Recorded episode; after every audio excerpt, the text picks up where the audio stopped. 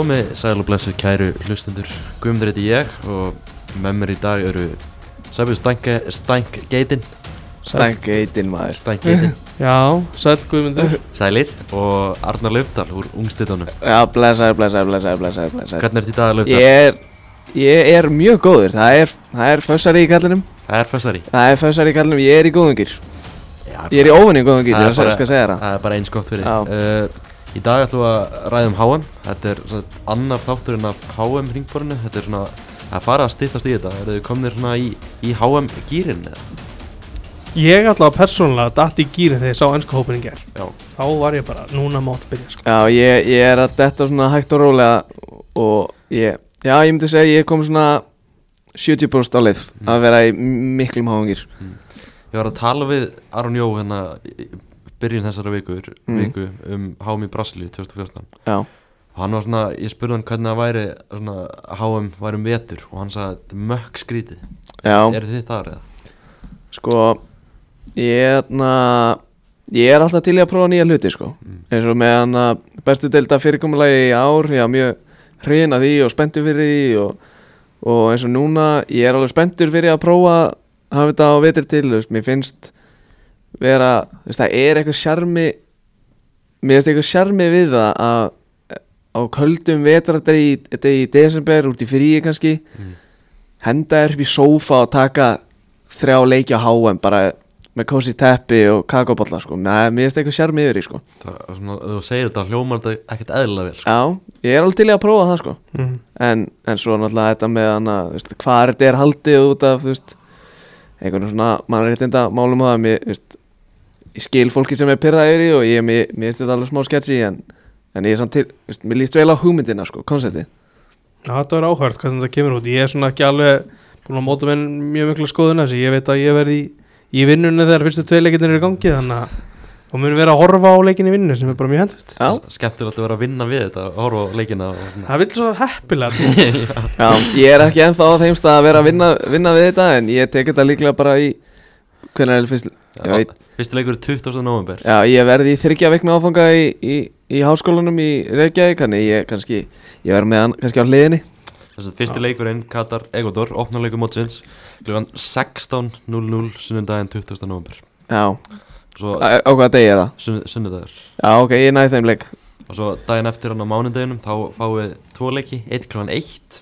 og 1 kl. 7 Já, ok, flott Æ, Byrja róli og, svo aukaði tempo Ég var reyndar að, að já, ah, Nei, það eru undar þrýr leikir á Já. mánudeginum, það er 1 kl. 10 morgunum líka það verður alvöru veisla já, Argentína Nei, ekki Argentina, um, Er, er þið tala um hann að mondeginum? á mánudeginum Það er England, Íran klugan þrjú 1 kl. 1 Já, meina það í eitt íslenskum tíma og Já. svo Senegal Holland kl. 10 og Bandaríkin Wales svona klára daginn Klugan tíu, en ekki fjögur eða? Hvað?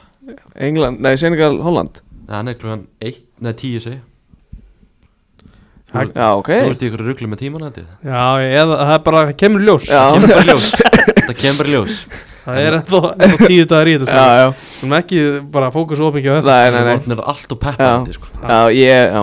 En svona áður en ég, áður en ég gleymi Þá er svona HM ringborðið í bóði Netgyro Þeir eru svo góður að að styrkja þessa umfjöllun okkar. Já, uh, Jólareikningur Netgyro er komin í loftið og allt sem við vesla með Netgyro í november og desember getur við borgað í februar svona, bara svona jólainköpinn og, og jólagjafirnar og, og allt hannig uh, og þú getur kynnt þér málið frekar á, á netgyro.is mm. já, Það ekki að þú ert trefin af, Netgyro Ég er sérstaklega heimasíðunni Netgyro.is er frábær síða. Mm. og ég hef búin að þess að vera að kynna mér þetta koncept og ég get alveg nýtt mér þetta. Ég er nokkuð nokkuð ofin fyrir því sko. Já, ég ætla eftir þátt, ég ætla að fara heim og segja mömmu frá þessu. Hún er nefnilega að fara í heimsreisu allan desember. What? Kemur, kemur heim bara 21. eða eitthvað. Ég ætla að segja henni að kíkja þessu netgir og græja þetta bara strax. Fara svo í heimsreisu og hafa ekkert, hafa ekkert, þannig að það verður ekkert vesen. Já, Hafa engar ágjur að þessu. Akkurat. Það er nefnilega málið sko. Bara takk Netgyro Já, þú veist, það verður allavega fullt budget til hann á 21. til að græja jólagjöf handa Arnari Já, Alveg jólagjöf Þetta er komið með eitthvað óskalista Arnar eða uh, herri, ég na, gerði smá bara samkomulega við, við hana, fóreldra mín á nokkra ættingja Sett, Ég fór til Liverpool fyrir ekki svo lengur síðan og ég gerði bara samkomulega ég fengi bara að kaupa mínar jólagjafir þar. Já. Þannig sparaði mínum ættingum og minni fjölskyldu allt það stressið að kaupa eitthvað fyrir mig Þannig ég keipti það bara sjálfur. Já, það er nýleif Hvað var besta gjöðin? uh, Ég keipti mér Stone Island peysu. Mm. Nei, Get a- alvöru. Get the bad Get the badge in sko. Vá. Já, þannig að talað um þessa Stone Island peysu Ég sætt var að skoða peysuna og ég kærist á mjög með mér og ég sagði Já, að Já, ég verði eiginlega að kaupa hana. Svo, sagði, svo sagði kærasti mín, þú átt eiginlega svona, svona baby bláa. Ég sagði, nei, ég týndi henni fyrir svona tveim árum Sagði, það týndir henni Hún er heima á mér sko. Vá. Ég hef búin að tí, ég, ég hef ekki séð hann í tvö ár. Ég var að, ég var að segja að fá hann aftur í fyrradag. Tveir fyrir einn? Tveir fyrir einn, ég fekk tveir fyrir einn sko. Alveg verið til það við hefðum eiginlega þurft að fá því ennska boltan til þess að ræða hana leik hana sem fórst á. Já, Ef kannski ekki að vera að minnast Það er bara næsta, Það var- næsta mál Það var- Ríf upp gummur sár það var rýtingur sko. Það er rýtingur. Fyrir þá sem ekki vita þá fór ég á Liverpool Leeds. Er að lendi í Summerville rýtingnum Kongurinn Crescencio Summerville Já, já. Vá, sá gæ. Og Jesse Mars að spila á gítarinn og eitthvað Þetta var alveg rosalegt sko. Það er kannski, já, vá, það var lilla fagnu Já, herru, förum aftur í háum Já, umræðinu getur kannski Já. svona skipt yfir úr Crescencio Summerville og í það að hann er ekki í hollandskóknum sem fer á hann Rögg Hann er er ekki í hollandskónu, nei. Það er stórt sko. Uh, Já. Ef við ræða Hol- ef við byrja að ræða Hollandi? Já, Hvar við- hvar ertu að byrja? Byrjum bara á, veist, við erum að fara yfir tvo reyðla í dag. A-reyðlin og B-reyðlin Mm. við byrjum bara á A-reyðlin aðeins. Mm. uh, Í þeim reyðli eru Katar, Ecuador, Senegal og Holland. Kanski förum bara fyrst í, í hollandska liði Þeir eru svona fyrirfram sigurstrangasta liði í þessum reyðli alveg klálega Klárt.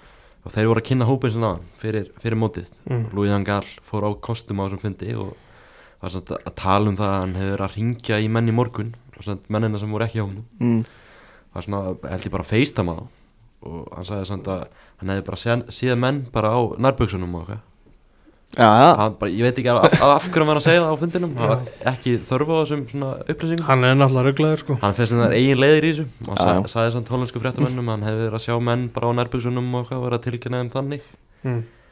Segja vonda fréttir bara í rúminu, meðan hann var í rúminu og Mhm. eitthvað. En hann var hress á þessum fréttamennum Voru þeir allir í nærbuksum? ég veit það ekki sko, menn voru á- svona á Twitternum að veltaði fyrir sér hvort hann hefði bara verið að sjá, sjá menn bara á Adamsklæðunum en ég veit, alveg, ég veit ekki alveg af hverju hann var að, að segja fréttamennum þessar upplýsingar. Hann var allavega í gýr á þessum fundi og talaði um það sko, hollendingar allir sér að vera heimsmeistarar. En þegar maður lítur á annan hóp sko, þá er hann ekkert eitthvað rosalega spennandi sko. Svona á pappír. Þetta er ekki heimsmeistar hópur sko.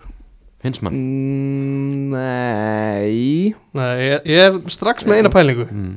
Hver er aðalmarkmaður Hollands? Ég myndi gíska á að sé maður sem á sex landsleiki Justin Já. Bíló Já, markmaður ég myndi halda það líka. Fæjanort Fæinort Þetta, þetta Þeir marka hafa nú oft verið með meira öfluri markmenn en það er ekki Segðu að allir þrýr markmenn Hollands hafa samtals átta landsleiki já, það, er, það lítur að vera örgulega minnsta á mótinu já, Já. Mér finnst Já. með Holland sko Þeir hafa ekki átt góða markmann síðan bara Edvand Sar Nei, var í markinu var þetta ekki, þeir voru með Steklenburg hana Mm. 2000 Krúla, Krúlaran svo Krúl. og Já. svo Sillesen sem er, var náttúrulega Já, í myndinni núna leikum með Neck Nýmigen í Hollandi já, já Trilltur að vera ekki í hópnum Já, hann fekk, Var það? hann fekk tíðindi í Hann var morgun ekki var satt. alveg brjálaður að vera ekki á honum mm. fórsand í Neck til þess að eiga meiri mögulega að komast á hann og Af hverju myndi hann fara í nekk?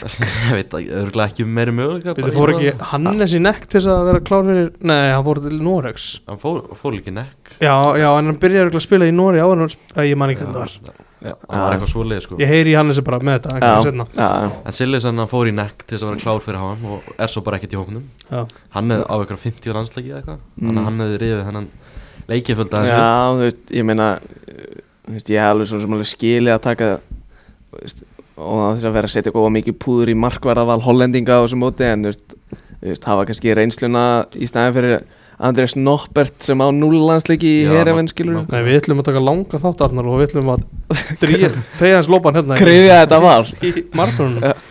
Já, ég myndi alveg að gíska að verði, verði Justin Bíló sem verði í, í markinu. Já, pottet e eða einn eldgamli passa er Já, Hafið eh, tekið eftir um svona European lad þannig á, að sem er alltaf skjóta á Master United og stundis með Ajax og eitthvað? Uh, já kannast, er, kannast við þetta sko en Hvað er hann að skjóta United út af Donny eða? Já, með svona að kaupa alla leikmenna frá Ajax og taka þjálfvaran líka. Já, já, Jú, jú, ég veit, jú, ég veit hvað Þetta er, reikningur ég, held, ég held alltaf að þetta væri Arnar Lufdal Já. líklegt sko, mikil Já. stundis með ræða Sjokker, þetta er ekki ég. Þetta er ekki þú. Þetta er ekki börnurinn minn sko. Þetta, þess vegna varst þú eitthvað svona híkandi núna eitthvað, ah, já, Já, ég kannast eitthvað við hann. Hann var sem þetta að setja svona fram sterkasta byrjanlið Hollands. Þetta er svona mikill stuðnis með Ajax og hollandska landsliðs eins og hollandsk fótbolta. Hann setti Sillersen í marki sko. Þannig að þetta er, þetta er alveg stór tíðindi og svo, svo er hann með Timber, Van Dijk og Ake í þryggjaman á vörð, mm. Dumfries og Blind sem vangbakverið Já, uh, Steven Berghaus og Frankie de Jong á miðinni með Cody Gagpo fyrir fram á. Og svo fremsta Memphis Depay og Steven Bergwijn. Já. Þetta er eitthvað sko. Mm. Má ég sjá. Já, sko Já, þeir verða alltaf í fimmana sko. Já, Ég held að þeir, er, þeir, þeir taka með sko fimm hafsenda Fjóra svona vangbakverði mm eða Timber getur eins og sem að spila hafsend og bakverð en þú veist, svo eru þeir, þeir eru með Frenki, Klasen, Derún þú veist, mér finnst þeir vera með svona fjóra þú veist, central midfielders. Mhm. já, þeir verða í ykkur svona 5, 5, 2, 3 já. 5, 3, 2 kerfi sko. Munum eftir að hafa í Brasilíu 2014 að, að þá var Vangal í þessu kerfið Já, var í þessu fimmanna og kerfi gekk vel. Það gekk vel. og hann var svona þegar hann tók við hollandska landsleginu í fyrra sko, þá Mm. var hann að byrja í svona fjóru þeirrum trefum fjóru, tveir, þrýr eitthvað og svo breytti hann þessu það hefur bara gengið mjög vel í þessu kerfi. Mm maður hefur séð líka svona umfjöldin í Hollandi að þeir eru svona að treysta aðalega á þrjá menn í þessu liði. Já, svona kjarnin í liðinu, það er Van Dijk Frankie de Jong og Memphis Depay. Já, mér sko hvað er Memphis Depay búin að spila margar leik hvað er hann búin að spila margar mínútur á þessu tímanbili hann er alltaf búin að vera svolítið meittur sko. Já, og er náttúrulega bara Hann á alveg sko tvo leiki í lag líka í ár. Hann er svolítið aftalega í goggunaröðinni hjá Barcelona í mitt sko. Alveg 116 mínútur. Já, á hann öllu tímabilinu. Van Gaal er búin að ofinbæra það sko. Hann mun ekki byrja á mæti Senegal. Memphis, Ja. bara eitthvað tæpur og mm, ekki neinu leikfónum þannig að þeir þurfa svolítið að byggja hann upp sko. Já, þú veist, sp- hvað verður þá Wood Weghorst upp á topp Nei, það er eða nefnilega- Luke de Jong það er bara þannig sko Er ekki bara með eitt flæðandi í Bergvæðin bara fram Nei, Vincent Janssen mun byrja frammi sko. Í, í alvöru. Veitu, er hann búin að tilkynna það? Ah, ef það er Depay ekki spilar ekki, ef Memphis spilar ekki þá er það Vincent Janssen sem mun fá kalli Já, framherri í Antwerp. Já, og fyrir um svona maður tóttir Tottenham, já, já, já, gerði garðin fræðan þar. Já, gerði garðin Gerið fá að garða fræða gerði garðin eiginlega frægari sem er Monterrey í Mexiko það er Já, hann búin að vera Flott, helviti flottu góður. þar. Va- fór, Já, fór Gignac leiðina. Það fór gignagleina, það er svo bara mættur á HM og mun líklega að byrja í fyrsta leika mútið sinni Mhm. Var ekki Gignac í hann að EM-hófnum 2016 eða? minni það Jú, sko. gott ekki hann Já. er búin að vera svona viðlóðandi franska Já, landsliði já, er búin að spila eitthvað tíu árið eitthvað með tígres í Mexiko uh, Van Gaal getur orðið sá landsinsjálfari Holland sem hefur unnið flesta leiki. Já, Já, á há, þú veist hann getur bara á há Sigur, se- Já, já, Sigur já. Sigur sælast stjóri í sugu hvað leik, hvað, hvað, hvað leiki var þar? Já? Dick Advokat hann uh, er hestur með 37 Nú, ok og er mann svolítið vel eftir þessu hollandska landsliði á nefnilega HM 2014 þegar hann var Mm. mm. liði leikurinn á mandi Spáni, Percy skallinn liðið svolítið í minningunni sko mm Arjen Robben geggjar í Já, þennan leik Hvað var það? 5-0? 5-1 held ég. 5-1, já heldur allir náttúrulega bara spannverðar eru heimsmestrar að þeir komin í móti sem tvöfaldir Er, erfmestrar er ekki búið að vera eitthvað þema að þannig að ríkjandi heimsmyndstrar dætti út í riðlum?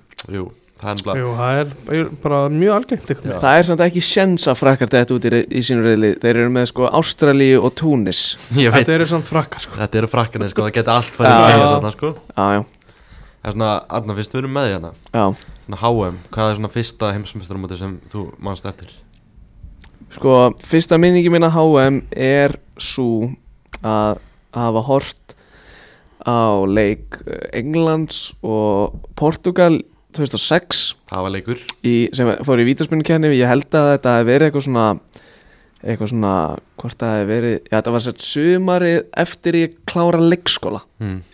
og ég man bara eftir að, að ég, að einhverjir strákar komið heim til mín og við horfðum á horfðum á hann einhverja horfðum á þennan leik saman og ég man að einn félagi minn Bjarni Þór Hafstein hann fór að há gráta eftir að englendingandi dutt út og það var svona mín fyrsta minning að að HM 2006 Hmm. það er svona líka mín fyrsta minning 2006 og hvað er ungir maður Háru á ústöðarleikin. Materazzi skallar sítan og Kanna var á liftibyggarnum Já, mér ámar ekkert í þannig sko Ég man mjög vel eftir því sko Ég Mm. man alveg hvað ég var og hvað, svona nánars hvað maður borðaði það kvöld og eitthvað En þú, Stengi? Fyrsta háminningin? Já, var það 86 eða? 82 Hendi ég, Guðs. ég, náði, ég náði síðasta leiknum 82 Nei, það er bara 2002 Já, Suður Kóra og Japan. Frábært mót. Mm Hvenær var leiktímið þá? Hvenær Það var varst þú að taka Mjög snemma á mótana. Já, ok. Þá var maður að taka þetta annars eða svona, já. Það voru einhverju sem að tóku þetta svona eftir á kannski voru vakna kannski 9-10 Já, Það voru, þetta var bara um nóttina sko. Sko. eftirminnlegasta frá því mótið það var Ronaldo klippingin Jú, jú, það var vissilega mjög eftirminnlegt sko. var ekki líka eitthvað dómaraskandall? Jú, það var hann Ítalía Suður Kóra Já. Það var mikill dómaraskandl þar. Það var hann að spila upp á játtöfli Já, Já, og Ronaldo sent, var besti maður mótsins og, og Brasilia fór alla já. Unnið er ekki alla leikinu sína Jú, ég, það hefur ekki gerst síðan Nei. allavega. Ég heyrði það í hann uh, Já, Hjörvari. Já, Já, En hvað er svona þitt uppbóðsmót hingað til? Ég, ég, við erum svona svolítið umdelda skoðun hérna á, á skrifstofunni síðustu dag já. Guðmundur er með ranga skoðun Ég hef sagt Suður Afrika 2010 Það er mitt uppbóðsmót sko. Já, ég bara man ekki nógu vel eftir því. Já, takk. Ég, já, ég Þannig að kannski fyrsta mótið þar sem að svona man eftir og horft á alla leikina og fylgst ógislega vel með og svona. Já, sko var ekki Mér langar að segja 2014 Það gekkja mót. Eitthvað sjarmi yfir að það var í Brasilíu og, og, og, og já, ég myndi segja 2014 mm. Já, Já, ég ætla ekki bara undir með Arnari sko. Mm. Ég fílaði það mót mjög mikið já, Þínu menn líka að fór Það var einn maður bitinn á mótinu og svona og Gillini bit, Óvandur bitinn. 7-1 sigur í undurúslutunum Já. Þegar hérna þú sást Suárez býta Gillini bara örsnátt hvað, hvað, hver voru viðbröðin? sko ég er á því að hann reynd, eða veist, hann viljandi gerði þetta til þess að komast frá Leifbúl Já, það, það, er mín, það er mín kenning þú veist, hann var búinn að býta einu sinni frá sig þegar hann beiti Ivanovic á sínum tíma og Leifbúl voru svona mjög eitthvað svona efins með það og neita að selja til Arsenal. Já, já, Já. neitaði að selja til Arsenal og svo eftir hann að svo er ég á því að set, þegar hann beit Kilíni þá var hann að reyna að komast frá Leifbúl svo hann kemist í Barcelona. Mér fannst eiginlega, sko, já, já, ég tek undir það. Mér fannst, það er góð ljósmynd af þessu þegar að Gillini er svona illt í öxlinni og Suárez er illt í gómnum það er, Það er já, einhver stókast að sko. En svona lúkum þessari umræðum Hollendinga. Mm, Hver, Hvernig ert þú svona spenntastur að sjá þessu liði, Arnar? uh, klárlega Koti Gagbo Já, það er ekki Það er það, svolítið það er ekki margir sem fá að fylgjast með Koti Gagbo week in, week out sem ég bara er mjög fáir örgulega sem er að horfa eða hlusta á, hlusta á hann að þátt og ég meina hann er búin að vera orðað við bara nánast öll stærstu liðin Manchester United og, og eitthvað þannig ég held að vera rosalega spennandi að sjá hann hann í fremstu výlunu hollendinga í, í, í, í, í hann að hóum sko. klálega búin að vera besti leikmaður hollensku deildarinnar hinga til. Mm klárt. Það er stakka, hvernig ert þú svona spenntastur að sjá í hollenska liði? Ég ætla að taka ungsternið já, Savi Simons Já, já, Stanir í hópnum. Já, sko það er bara máli hversu mikið að mann spila sko. Ég segja hann er kannski að fara að fá tíu myndu korter í svona tveimur leikjum Mm. já, einmitt Já, og ég vona að verði bara í öllu leikjum hann er líka búinn að vera sjóðandi heitur sko í hollensku dildinni Hann sko. var Ég- lá, láni á PSV frá PSG Svo Já. ég hafði enga trú á sig hvað Ég ætla að þetta eru Nei. bara stælar ekki ég heldur sko, ég vorkendi honum alltaf fyrir að væri svo mikið aðtekla á honum út af því að hann var hann með svo flott hár sko þegar hann var Já. yngri og eitthvað svona en, og ég að þetta meina hann er með sko 8 mörg og 4 stóðsendingar í 13 leikjum í eredivísinu sko. Það er geðveikt. Hann- Menn er alveg að fara að taka eftir þeim gæði líka þannig að mætir inn á veit já, einmitt, mm. Það er, já, þú missir ekkert af honum þegar reyna á sko. Nei, Akkurat, uh, Holland var náttúrulega ekki á síðast áhum Nei, þeir Bara eru- svona áhugaður um móli þeir eru að koma aftur inn já, alveg rétt Þeir mistu bæði EM 2016 og HM 2018 það er alveg rosalegt að maður Mm. pælir þessu út í það sko. Já, Hvað finnst þér um að Gravenberg er ekki í hópnum? mér finnst það mjög skrítið Mm. ef ég á bara að vera fylgjóðlega Það var slæmt múf hjá hann að fara til bæina þessum tímóti Er hann búin að vera að spila mikið á bæinn? Nei, hann er líka búinn að tala ofinberlega um það sko, að hann væri til í að spila meira og eitthvað sko. Já, hann er einn af þeim sem vill spila meira Já, hann er einhvern veginn svona á þeim aldri þar sem hann þarf að vera að spila og hann er búinn að tala ofinberlega um það en Mm. Ég veit Van Gaal tekur sko Kenneth Taylor leikmann Ajax. Kenneth, eða á pappir ætti Ryan Gravenberg að vera betri leikmaður en Kenneth, Kenneth Taylor en mm.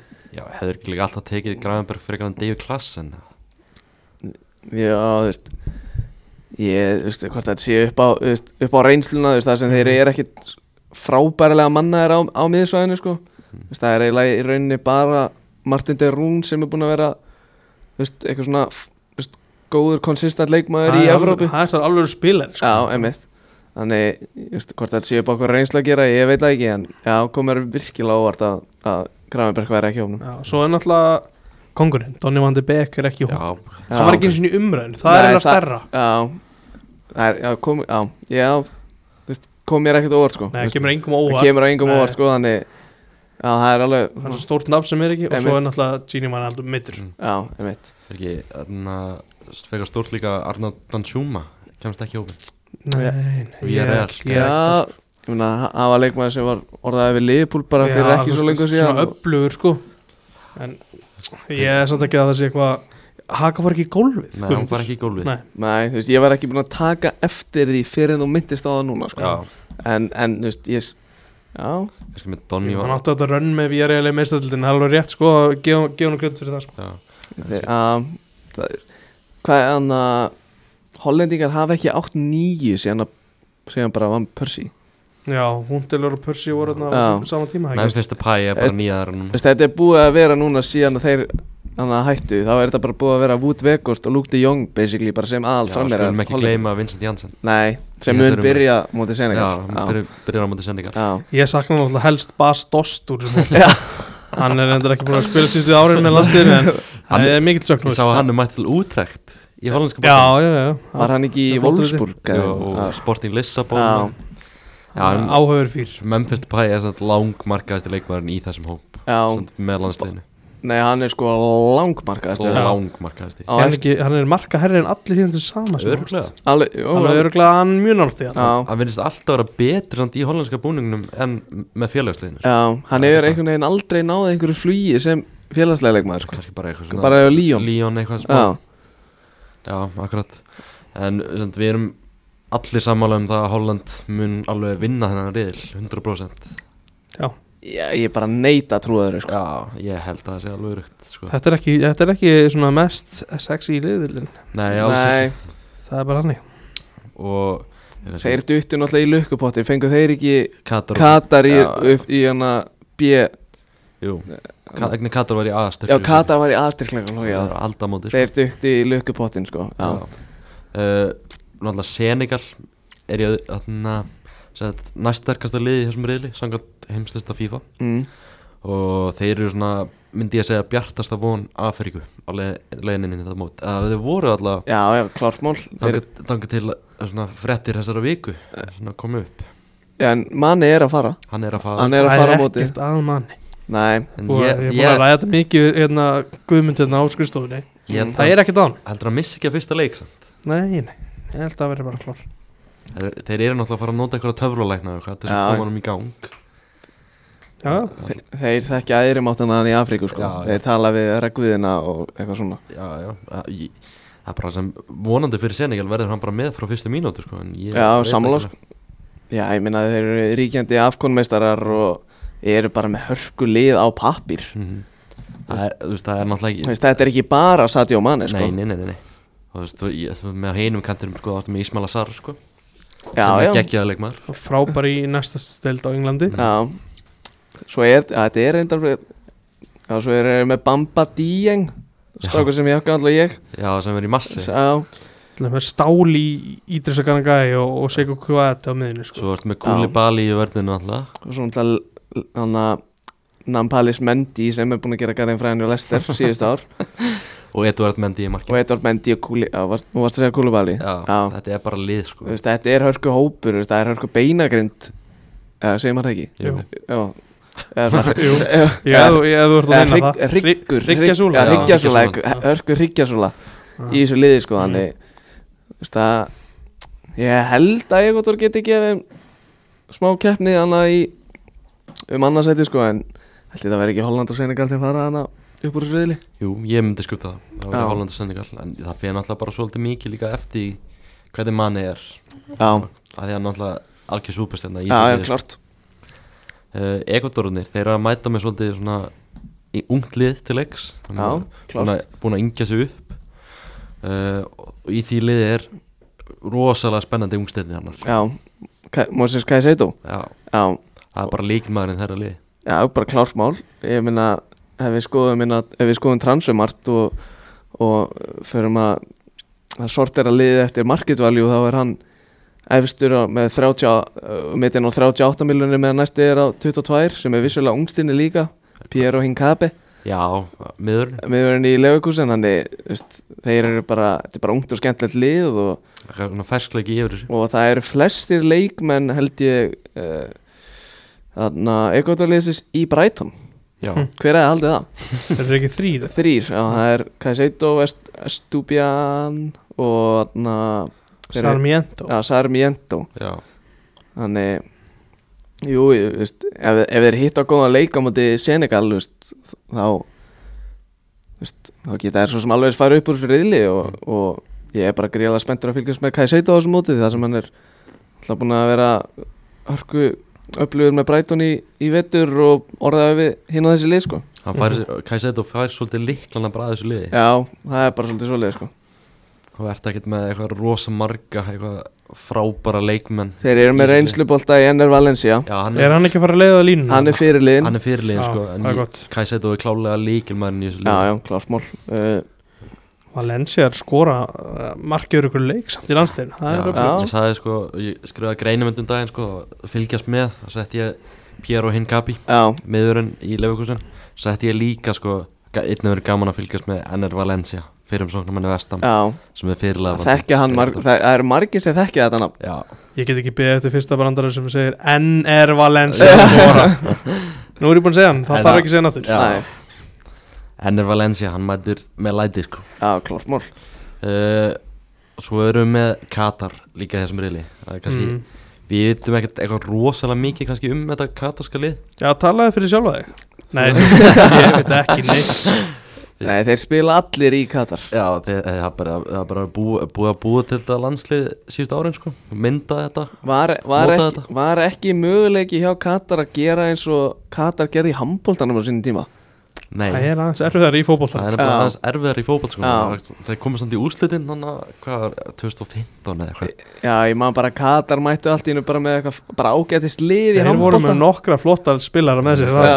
með eitthvað serba og króata og eitthvað í liðinu sem komast allir í ég, en það er ekki hægt í fótbolta. Og þeir eru bara, hafa verið síðust árin eitthvað 10, 7, 8 ári held ég eitthvað að móta bara liði í gegnum þess að Aspire Akademi Ég held að það getur þurft að reyða, reyða svolítið á Almóis Ali Já, Markaðasta manni Það er eina sem ég veit um hann Hann er markaðistur það var markaðastur á Asíubíkunum líka. Já, ok.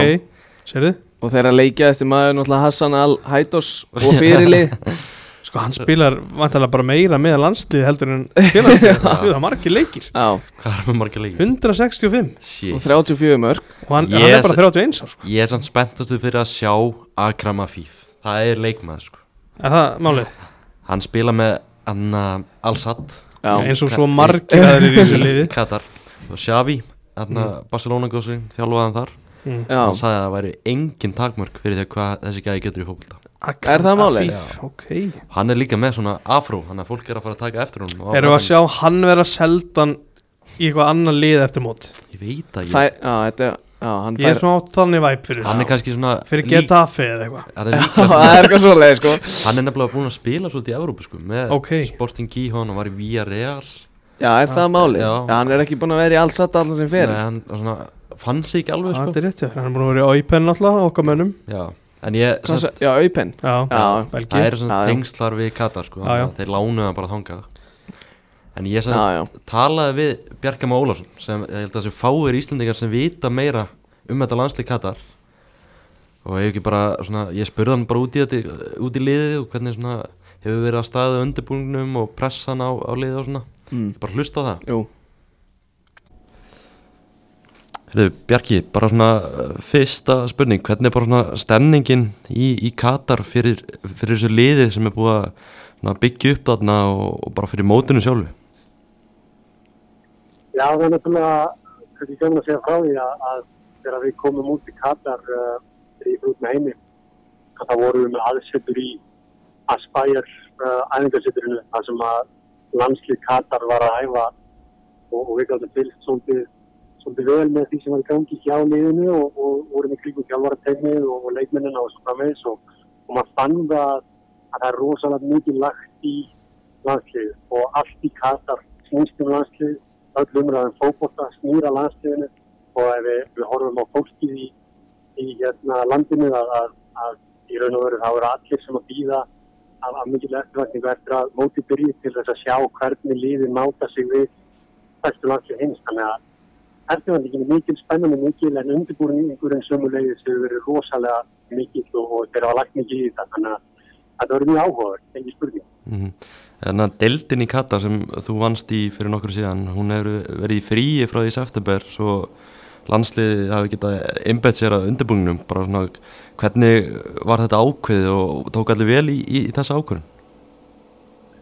Já sko, eins og þú segir, þá er deildin verið í fríi frá september en, en liðin hafa spilað án landslýsmanna allt tímafélið. Mm -hmm. Þannig landslýsmennir hafa í raun og veru verið í æfingabúðum frá því í uh, mæ þannig að þeir eru raun og veru í hálsárs æfingabúðum og hafa ekki tekið neitt átt í deildinni uh, þessa fyrstu mánuði. Þannig að frá september, neða, fram í september segi, var deildin spiluð án landslýsmanna og svo uh, lókuður á deildina núna þannig að allir gáttu fara að einbita sér að, að landsliðinu.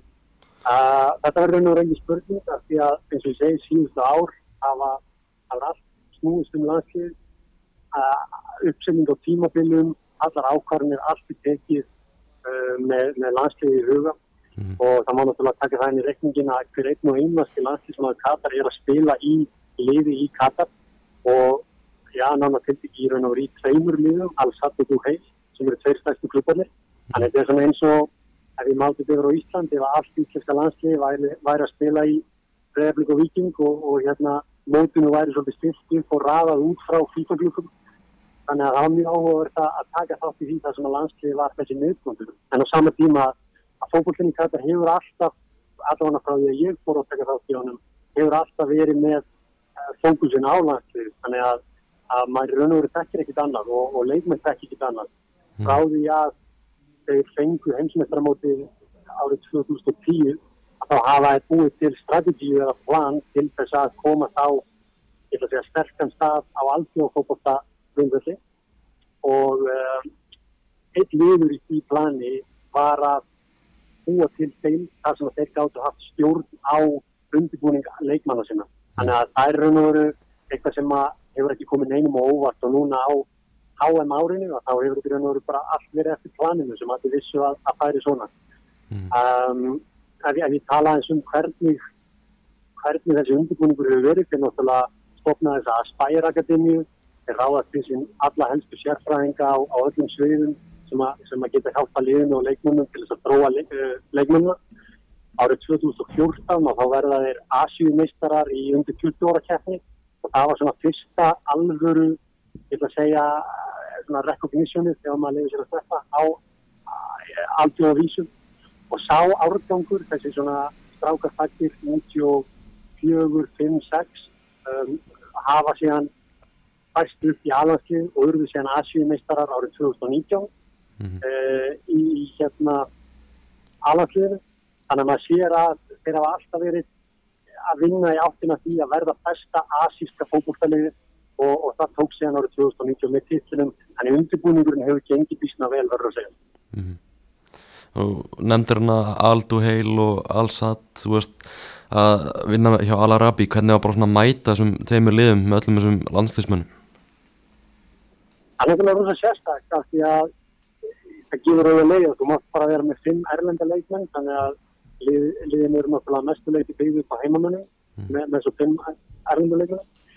Og þegar að tvö lið eru með ekki bara bestu, þetta er langbestu uh, heimamennina og við erum ekki bara að tala um aðlandslýsmennina þetta er líka yngri landslýsmennina að það verður náttúrulega getjubilir rosalega mikið. Þannig að það var rosa áhugavert verkefni að, að fara inn í þær aðstæður að þú veist að spila á móti líðum sem eru já, bara miklu betur mönnu og við þurfum að finna leiðir til þess að, að hérna, vera, verða samkjörnusagt líð en á sama tíma kannski það sem að var, ég ætla að segja trublandi að einhverju leiti var að það er ekki nóg með að þeir eru með bestu leikmennu heldur eru þeir eins og ég voru að skilja með rosalega mikla virðingu. Þetta eru landslýsmennir, dómararnir byrja virðingu, umhverfið byrja rosalega virðingu og, og ég ætla að segja oft á tíðum fannstmanni eins og að þessi tvölið fengju ég ætla að segja, maður upplöða eins og hallaði á okkur oft í leikjum og mótiðum og svo framvegist en, en það er kannski líka bara eðlilegt frá því að, að þetta, voru, þetta eru superstjórnunar í landinu, þetta er það snýst allt um þess að gæja og, og þetta eru menninni sem allir lítið upp til og, og byrja ómænda virðingu við Þessar svona æfingabúðir sem þetta lið hefur verið í sístu vikur og mánuði, ertu með svona einhverja þekkingum svona hvernig þær hafa gengið?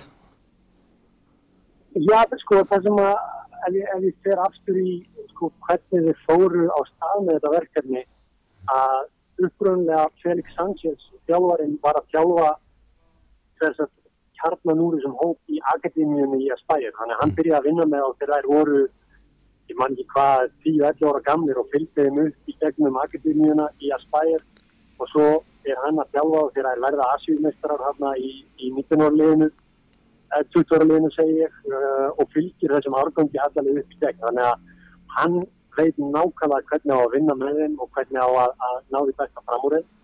Og áður fyrir áður en hann tekur við aðværsliðinu sem hann sé að gera aðsíðumeisturum það var verið rosaleg velta af þjálfurum. Þeir voru alltaf að, að skiptum þjálfara þeir voru alltaf að, að hérna, breyta rosa, gera stórar breytingar á hóknum en ég ætla að segja stöðuleikin sem hefur komið með Felix og leikstíkinn sem hann hefur þróað á með leikmununum frá því að þeir voru kort mungir það hefur búið til að skemmtilegt lið þannig að æfingabúðina núna er raun og veru þessi loka nýkkur af margra margra ára undirbúning hjá honum með liðinu og þessar strákum mm. þannig að, að hérna, ég er það mjög stert að kattararnir hafa stjúptan og síndanum það tröst sem hann áskilir með alla þá vinnum sem hann hefur lagt á sig og lífið hefur tróast og þorskast fyrir svo mikið. Æfingabúðunar hafa farið að mestuleiki fram á spáni þar sem þeir hafa verið að taka æfingaleiki og í raun og veru bara eru þeir að haga sér og hæða sér eins og ef maður ekki líkið sér við eitthvað bara eins og Brentford B eh, sem að byggur æfingaleiki við, við hellinga liðum og eru raun og veru bara í non-stop æfingabúðum. Mm. Um, flestir þessar leiki núna hafa farið fram til luftum byrjum af því að þeir vilja einbita sér að undirbúningum án þess að sína spilin Þannig að ég held að veri rosalega áhugavert að sjá hvernig þeir mæta til leiks því að ég get fullið sagðum að það er ekkert hlið á hinsmjöstaramótinu sem er jafn vel undirbúið og kataskalið ef við tölum um uh, tíma með leikmunum og ekki bara hvernig við vinnur í taktík og undirbúning heldur líka hvernig við vinnur í fysiska fættinum að álagstýring, að passa mennsi að toppa á réttum tíma, að passa meðslahættur og jari jari. Þannig að liðið er klárt og, og menn eru tilbúinir í, í mótið, það er ekki spurning. Já, uh, svona nokk, nokkuð verið tala um þjálfarmálinu Katar og þá er eitthvað svona sagum að þeim hefði dreymt um að fá á Xavi í þjálfarstólinn en þessi, þessi Felix Sanchez spánveri, svona, þetta, er, þetta er virkilega spennandi þjálfari og hann hefur náð flottum árangur með þetta lið. Já og það var aftur þegar þeir fara á stað með þetta, með þetta verkefni og þegar þeir stofna akademíuna þá ráðaði til sín fjölmarka þjálfara, uh, metnaða fulla unga þjálfara til þess að koma inn og, og vinna með, með yngri leikmönnum. Og Felix er bara svona dæmigerðu þjálfari sem að, sem að vinna vel með þá leikmenn sem hann er með og, og nær vel til þeirra og hann náði vel til þeirra á unga aldri og fylgdi eins og ég segi svo, svo upp í gegnum systemið og, og þetta hefur verið bara mjög vel hefnað og Felix er kannski ekki stærsta nafnið en í asískum fókbalta þá hefur hann áhengi sér rosalega mikla virðingu með því að gera liðið af asíumisturum árið 2019 og hann var með sterk þjálfarateimir sem hann hefur byggt upp hefur líka unni lengi saman og mann þekkja vel inn hvern annan. Og þeir eru að flestu að mestu leiti spannverðar sem er leiðis mm -hmm. uh, og af því að tala um Xavi að þá, þá hérna, tók Felix sem er uh, sorry, Xavi tekur aðstofnfjálfaran frá Felix inn í Al-Sad og, og svo til Barcelona þannig að tengingin er rosa sterk þar á meðli líka mm. en ég var ekki varfið að, að Xavi hafi á neinum tímapunktu verið í umræðinum að taka því sem landslýstjálfari af því að Felix hefur verið að standa því gríðalega vel og, og, hérna, og menn hafa sínt honum bröstin sem hann á skilji mm. Hefur eitthvað tíman að koma svona í svona spjalla við hann eða fengi svona lært af eitthvað á honum var eitthvað, var eitthvað þannig meðan þú varst út í Katar? Já, já, það var rosa gott eins og ég segja, við skrifstofunar okkar voru þannig að voru bara inn í inn í landslýshöfustofunum. Þannig sérstaklega eins og með heimi, heimir átti, átti mjög greiðan aðgang að Felix. Ég held að þurft að fara niður tvo stiga og var hann komin inn á skrifstofu til, til Felix sko. Þannig að þeir voru, voru mikið að spjalla.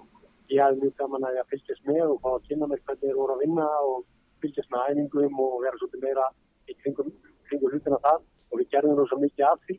Mhm. Um, og ég ætla að segja að nálgunin sem að Felix hefur, svona svolítið eftir er að og, og það sem að gera þetta einhverju leiti svolítið ólíkt öðrum landsliðum er að hann er fyrst og síðast á, á í grunninn yngri flokkafjálfari og góður að vinna með ungum og efnilegum leikmannum.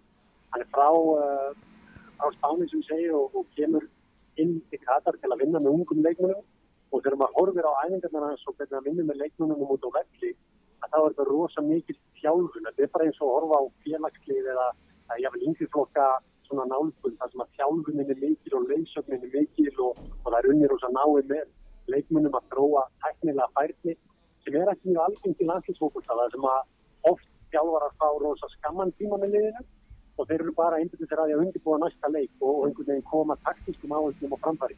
En Felix hefur þetta farið aðeins svona, ætla að segja, dýbra í hlutina og, og komið sínu handbræði á liðið á, á mjög stertan og skýran hátt. Mhm. En þú veist þessi leikmannhópur sem Katar er með núna hver er svona, myndur þú segja að veri stærsta stjarnan eða stærstu stjörnunar í, í, í þessu liði? Sko það sem að einn liður í þessu verkefni á Katar voru að þeir, tókur yfir nokkur lið í Evrópu, þeir tóku yfir Aupen í Belgíu, þeir tóku yfir Kultúra Leonesa á Spáni og voru svo með eitt saminuðu verkefni í Östuríki. Og það sem þeir gerðu ákveðin tímapunkti voru að, var að þeir fóru að senda leikmenn til þessara liða til þess að fá evróska reynslu og maður sá það að, að flestir þeirra áttu erfitt með að aðeins evróskum umhverfinu af því að þá held ég af, af svona samfélagslegum ástæðum að að ég held að þeir bara prífast best í, í umhverju sem að þeir eru vanir í Katar. En á sama tíma sá maður að nokkri þeirra sem að fóru til Belgíu náða fluma sér til læg.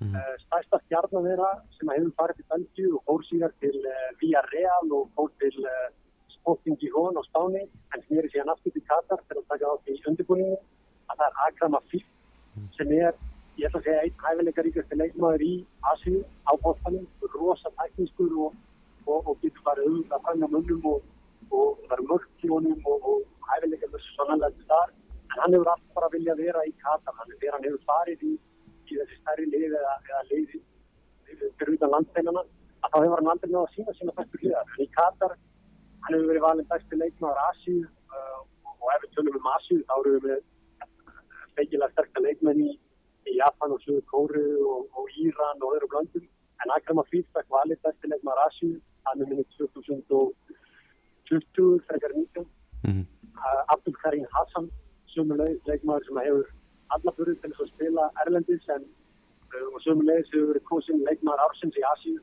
Uh, kraftmikið finnst til bakur og það eru, eru margir sterkir leikmenn. Almóðins Ali, frammerið þeirra sem var markaðist leikmaður Asíu leikmenn á 2019 þegar það er vinnamótið þannig að, að hæfileikarnir eru svo sannarlega til staðar og gæðin í hóknum eru svo sannarlega til staðar. Svona Akram Afif, fólk er að fara að taka eftir þessum gæja á vellinum er með afró og skemmtilegur, skemmtilegur leikmaður Já, ég bara einhver allra, eins og ég segja, allra hæfileikaríkasti leikmaður sem að spila í, í byrjunni hjá okkur og í mannu í byrjunni tölfræðin var fyrsta ári sem við vorum að næn. Við spilum, uh, spilum 22 leiki og ég, ég mannu ekki hvað hann var búin að skora mörg mörg, einhver 30 mörg eða leggja börnur 20 sko. Þetta var, þetta var alveg þvæla hvernig hann tók yfir dildina og hvað hann var mikið liður maður. Mhm. Uh, þeir hafa náð að sína mjög sína sterkur hlýðar með landsliðin ofta tíðum, sérstaklega í Asjúleikjunum uh, en, en svo eins og ég segi þegar þessi leikmenn hafa farið út fyrir landsliðina þá hafa þeir ekki náð að sína jafnmikla yfirbyrði og, og jafnmikið styrk og, og þeir hafa gert heima fyrir. Mhm. bara svona lokum þessi riðil sem Katar í Ecuador, Holland og hvað var, hvað var hérna síðasta liðið Senegal, Senegal er síðasta liðið hvernig svona líst þér á, á möguleikana fyrir Katar að því sem er, er mikil pressa á Katar að gera góð hlut á þessu móti? það er rosalega mikið press á Katar að verða sér í sóman. Það er að segja að, mæta á mótið og eiga, ég að segja, sterkan opnunarleik Mm. að, að menn sjáu að öll svo vinna og allir svo undirbúningur sem hefur farið í þetta sé að skila sér og ég er nokkuð samfarið um að, þeir muni alltaf standa sig bærilega. Hversu langt þeir fara í mótinu og hvort þeir fara upp úr reilinu það er rosa erfitt að segja til um það af því að reyðin er nokkuð sterkur en, en ég held að Katara gæti komið óvart með því að vera bara virkilega vel skipulaðir og vel undirbúinir og, og klárir í, í, í mótið sko. Þannig að pressan er mikil heima fyrir, eftirvæntingin er mikil og ég ætla að segja að, að peningurinn sem hefur verið lagður í liðið og, og fjárfæktingarnar, hvort sem að það er í, í bylginni eða, eða kaupa lið til þess að þróa leikmenn eða sex mánuða æfingabúðir eða hvað það er að menn hafa lagt tífulega mikið í þetta. Þannig að pressan er að sjálfsögða ansi mikil á að menn, menn standi sig. Og það verður líka fórnulegt að, sjá hvernig leikmennir glíma við þá pressu því að, því að, því að öll, öll spilta einast að þeim þannig að það verður áhugaverð stöð Hvernig, fyrsti leikur á móti Ekvator núna 20. november, hvernig eru að fara að sjá þá, mæta til leiks í þeim leik, eru þeir að fara að stjórna leiknum, eru þeir að fara að liggja tilbaka og beita skindisvonu, hvernig heldur þetta verið? Ég, sko, ef maður horfir á hvernig þegar þeir spiluðu í, í Copa America, af því að þeir hafa farið undan farin á og spila sem gestalið inn á, inn á þessum mótum, hvort það var á uh, Gold Cup, Mið-Amerikukeppnin, þeir spila Copa America sem er leiðist, til að fá reynslu, stórmóta reynsluna á móti alþjóðlegum liðum. Mhm. Uh, og maður sá það þar að, að þeir eru að, ég ætla að segja, fullt erindi í að stjórna leikjum. Það eru góðir fótbollamenn, þeir eru góðir á bóttan, þeir vilja pressa, þeir, þeir stíga hátt upp á völlin og, og vilja dominera leiki, en þeir eru meðvitaðir um á móti líðun eins og til dæmis Hollandi að þá munum við sjá, sjá kannski aðeins öðruvísi, ég ætla að segja, um, já, aðferð eða, hvernig leggja upp leikin, en, en á móti Ekvator þá held ég að þeir vilji stíða svolítið fast í jarðar, eiga frumkvæðið og sína frumkvæðið í leiknum og við munum sjá lið sem að, sem að ætlar að, nýta þann leik í svolítið statement. En hvort að það munum sé að stíða enn til höfum og menn verða yfirspendir, að það verður mjög forðunilegt að sjá. En, en varandi leikstílinn, að þá snýst þetta rosa mikið um að, að hérna, að þeir vinna kollektíft saman, þetta er rosa mikið liðsbragur, þeir hafa spilað saman frá blödu basbeini langan tíma, þetta er lið sem búið að vinna mikið með, þannig að þetta er rosa ólíkt því sem að við sjáum oft í landsliðum af því að þetta er bara eins og að horfa á félagslið, þetta er bara eins og að horfa á vel smurða vel sem að, að hlutinni tikkar svo hratt og vel, þannig að ég held að við munum sjá gott flæði, við munum sjá hraðan og góða sóknarleik, mjög flottar kollektívar fólkstæðis reyfingar, uh, varnarleikurinn verður rosalega vel skipulaður því að Felix leggur mikið upp úr því að, að pressa á, á góðan og skipulaðan hátt. Þannig að þeir verða vel undirbúinir, þeir verða flottir í fyrsta leik klálega og ég held að það geti komið óvart með, með flottum, flottum framistuðum í þessu móti. Kekjað, heyrðu, takk kjærlega Bjarki fyrir að taka síman og, og fræða okkur aðeins um, um Katar. Mínu ánæg, takk takkir. Takk kjærlega, bye. Þetta var hans áhugavert Þetta var greiðalega áhört, skemmtilegt spjall við, við Bjarka um Katar. Já, ég tek undir það, ég held að sé engi sem að viti jafn mikið á hann um. Já, þeir bara þeir sem þekkja og vita hver Bjarki er, þeir vita bara að hann veit ansi mikið um þessa, þessa blessu íþrótt Mhm. Já. og náttúrulega það sem, það sem er að gerast hann í Katar hann er bara áhugavert að hlusta á þetta sko Það voru nokkri mólar þarna sem ég vissi náttúrulega líka en ég vildi ekki bara láta hann segja það Nei, nei, Já, hann talaði svona um, aðeins um það í þessu spjalli, hann telur að Katar geti komið að fólk á óvart. Þeir geti verið kannski svona dark horse í þessu móti. Já, þeir koma mér óvart ef það er bara verið í leik í öllu leikjunum sko. Mm. já, Já. ef þeir verða í leik þá komaði mér óvart sko Þeir eru satt með hvað hva Senegal og Ekvator er Geta þeir ekki alveg gert leik þar? Já, ok, geta gert leik um Býtu, er það ekki, það er opnuleikurinn á mótinu, wow. Katar Ekvator. Sunnudagur klukkan eitt Ég er bara, menn hafa að tala um að þetta sé eitthvað óspennandi leikur eitthvað. Ég er bara, ég er svona, Þú ert er, ofpeppast ég er ofpepp. Þú ert invested sko Ég er ekki á þeirri skoðun að þetta sé óspennandi. Þetta verður spennandi. Já, Þetta verður gefum, gefum þeim sjans þetta verður alveg leikur. Já, ég mæli með að nota hátíðar á sinna á rúf. Jú, ég mæli með að fólk fylgist með Akram Afif. Það er, ég er spenntið fyrir honum. Já, Já, ég, ég, þú ert búin að selja mér hann að geða sko Hann er, ekki- hann er samt ekki ungstyrnana. Sko. Nei, þú, er, en þú ert búin að selja mér hann. Já, Fyrst að Savi sagði það, þá trúi ég Savi. Já, ok. Og þér. Það er klármál. Ef það fara að- aðeins í er- Kíkjum í bíðið þetta er ekki nóg nóg um aðrið. Jú, Jú, jú. Bjeriðilin er aðeins meira spennandi sko. enski riðilinn Enski riðilin sko, þá eru, þá eru við Íslandingar spenntir Við elskum enska boltan já. Það eru rosa margir Íslandingar sem halda með Englandi á stórmóti. Ég var nú bara að tala um ensku mælandi riðilinn Mhm. Ensku mælandi riðilin, það er enda bara rétt líka. Það er Þrjú af fjórum. Þrjú að fjóru liðum sem eru ensku mælandi. Já. Og þetta er náttúrulega eins og það segir Enski riðilin líka. Já, það var bara nákvæmlega sem ég myndi með þessu ekki, ekki þú veist að riðilinn sem England er í heldur sá enski, skilur Mhm. Sá enski. Já, Segjum það. Klálega Ég er alveg búin að sóna út Nenni Já. að hattra að byrja að tala um Stakki, enski hópurinn var tilkyndur í gær Já Hvernig svona leist þér á hann? Mér leist bara nokkuð vel á hann Ég held að Sáþketa hafi svolítið lesið rétt í stöðuna sko. Mm. Gerði það bara nokkuð vel Eins og svona mátti búast við þá er ekki allir sammálan í valinu. Nei, það, þá hefði þurft að vera ansi margir í hópnum til þess að það veri hægt. Já, hann fekk samt að velja 26 leikmenn. Ég er nokkuð sem að hefði þurft að vera svona 134 til þess að allir hefur ánæðir já, potið sko. Hann hefði alltaf bæst við ákveð þessi ekki, skilur Hvað fannst þér svona óvandast?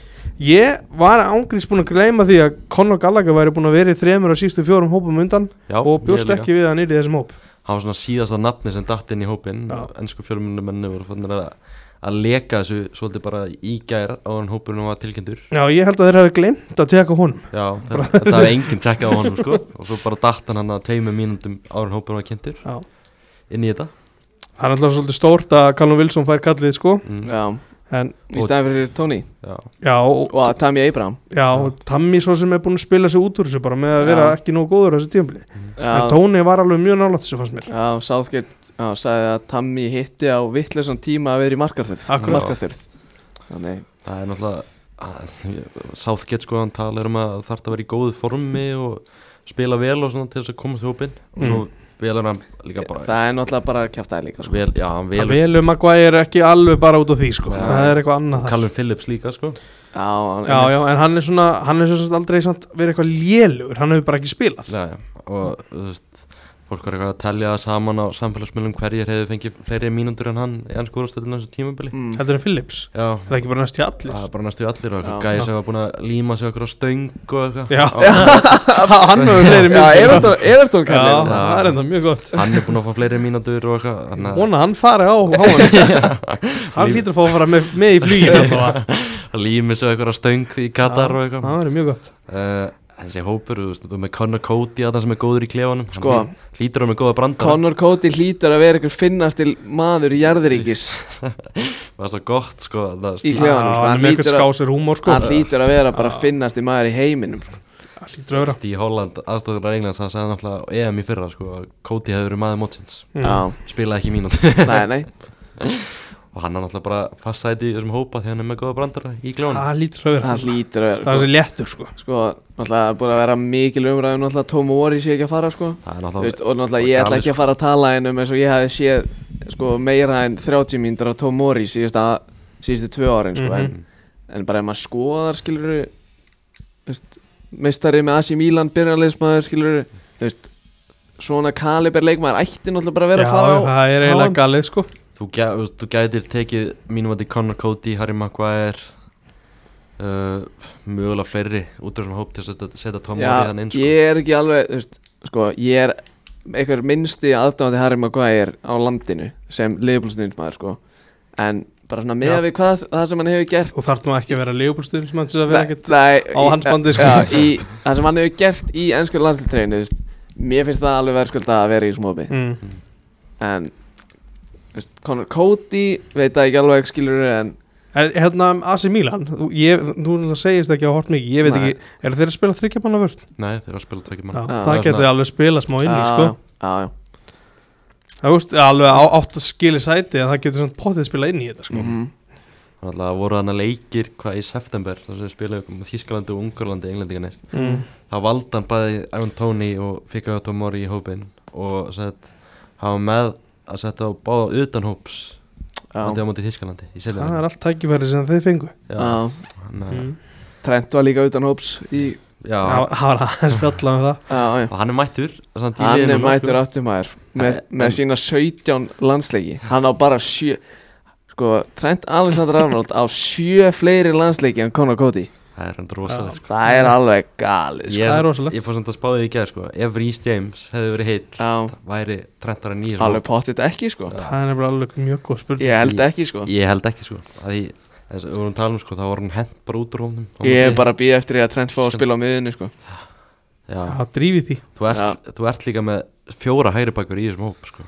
Hver er hérna Hvað, Volker, Trippier Ben White og Alexander Arnold. Mm. eh, Ben White ekki hafsend. Hann er búin að spila hægri er, hann- já, ég held að hann sé hafsend samt því sem hóp sko. Já, veist, hann er náttúrulega búin að spila hægri bakur allt tímabilið með Arsenal en hann er hafsend að upplægi mm. Já. En já, ég er bara Það er alveg verið til að sjá bara ef James var heilt bara út með Gallagher og Trent á miðina og Mm. James í hægri bakur sko. Mm. En það er bara ég. Ná, ég var að stilla upp líklega byrjunulega Mm Hvaða kerfi, eru það að spila 5-2-3? Lík, ef ekki frekar að fara í bara byrjunarlið sem við myndum stilla upp. Ok, Eða Garð Sátt Já, ég veit Nenni það ekki. nenni að leika stilla upp líklega byrjunarlið fyrir Garð Sátt sko. nei. 5-2-3 er að spila það?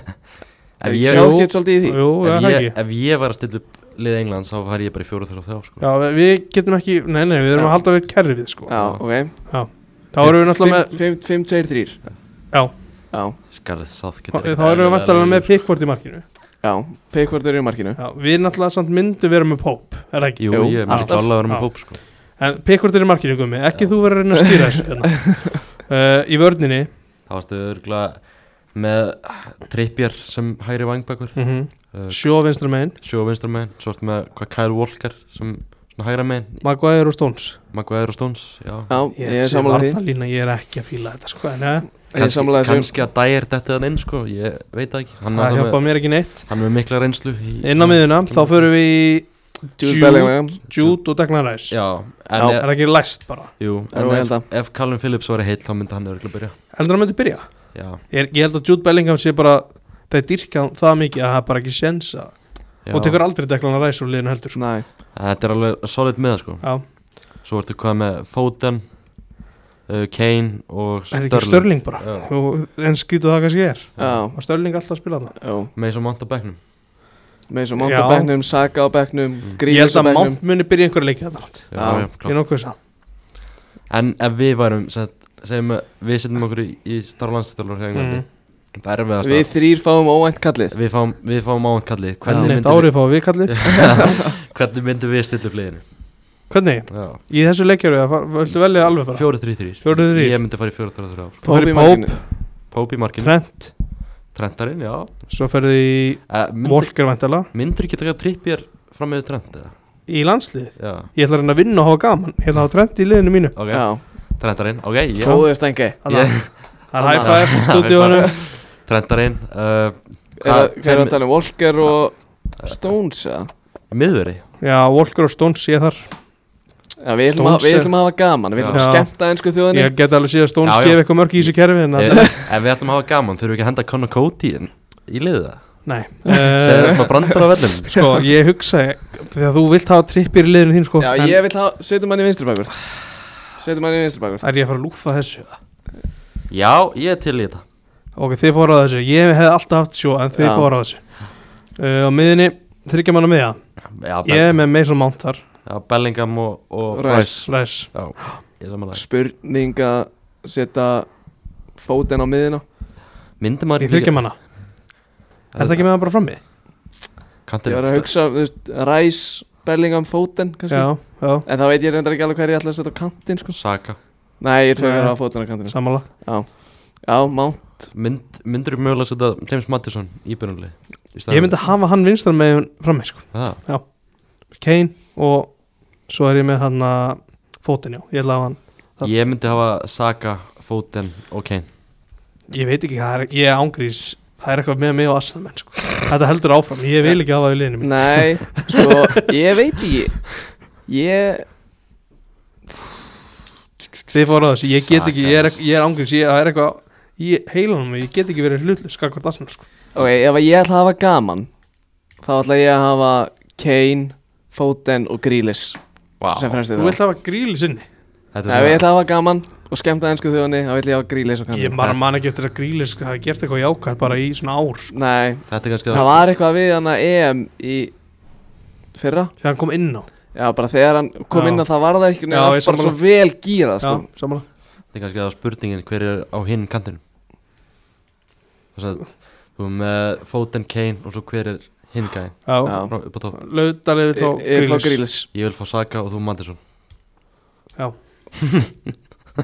Sko þinn leikmaður með eitt landsleik Hann kemst í miður ekki hérna. Sé Mattisson verið að spila undanverðin Hann er sjóðandi heiti sko. Jack Grealish er með rugglega tölfræði fyrir ennsku landslið 24 leikir og eitt mark. Já, það er þetta, það er gott var samt með Jack Grealish og EM sko Hann var alltaf góður, hann kom inn á já. bekk Já. Þú vorum að ræða þetta, hann, verið fyrsta maður inn hjá mér. Já, við, þess, við erum að komast að niðurstöðu sann, sko. þetta, þetta er alltaf þér sko. Uh, Hvað, annarkvort Saka eða Grealish mm. Þetta er svo vond Já, ok, ég fyrir Saka Já, ok. Já, Já, var það Það fenguðu Þú þetta í gegn voru með tvo vinstri fóta á kantarum Já, bara eitt einn- einn Hvernig ætlar ætlar að hafa þá Eitt köttar inn. Setjum bara fótinn hægra alveg þetta var sko Saka. En akkur hefur ekki bara mánt á kantinum og fótinn í hólunni Já, það Græða það bara hann. Já. Í hólunni Já, það er með fremstanum miðinni Já, ok. Bellingham og Ræs Hóla átta, hvað sem vil kalla þetta maður. Tía. Er það ekki, er það ekki hólan? Jú, Er að það er Rólan Það er Rólan uh, Já, næsta mál. Svona gæðinir sem mistu á þessum hóp. Mm. Það voru svolítið stóri nöfn.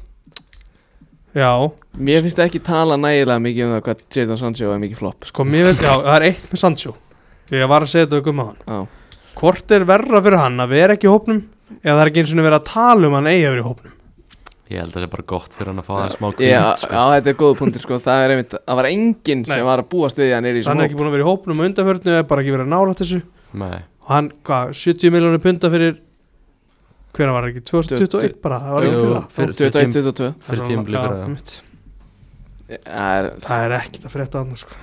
Hann var náttúrulega eins og segir, hann var bara ekki inn í myndinni Ekki Nei, nála neitt Mér er það samt kannski Hann er keiftur á sko 85 miljónur evra Já, örgulega 70 miljónir punta og Já. örgulega eitthvað svona sem á eftir að koma inn Já. eða eitthvað Hann er klálega ekki búin að standa undir verðmiðanum og öllu því umtalið sem var þegar hann var keiftur Nei, og þessi, þessi verðmiði var alveg sko réttmætur á þeim tíma Já. þegar United keift hann sko Núna er að menn sem að tala um að hann hafi ekki verið því að hann var með Hólandi lið Já, Hann skoraði svolítið mikið bara, Já. bara vipp honum eitthvað stær inn í Já, bóksið og já.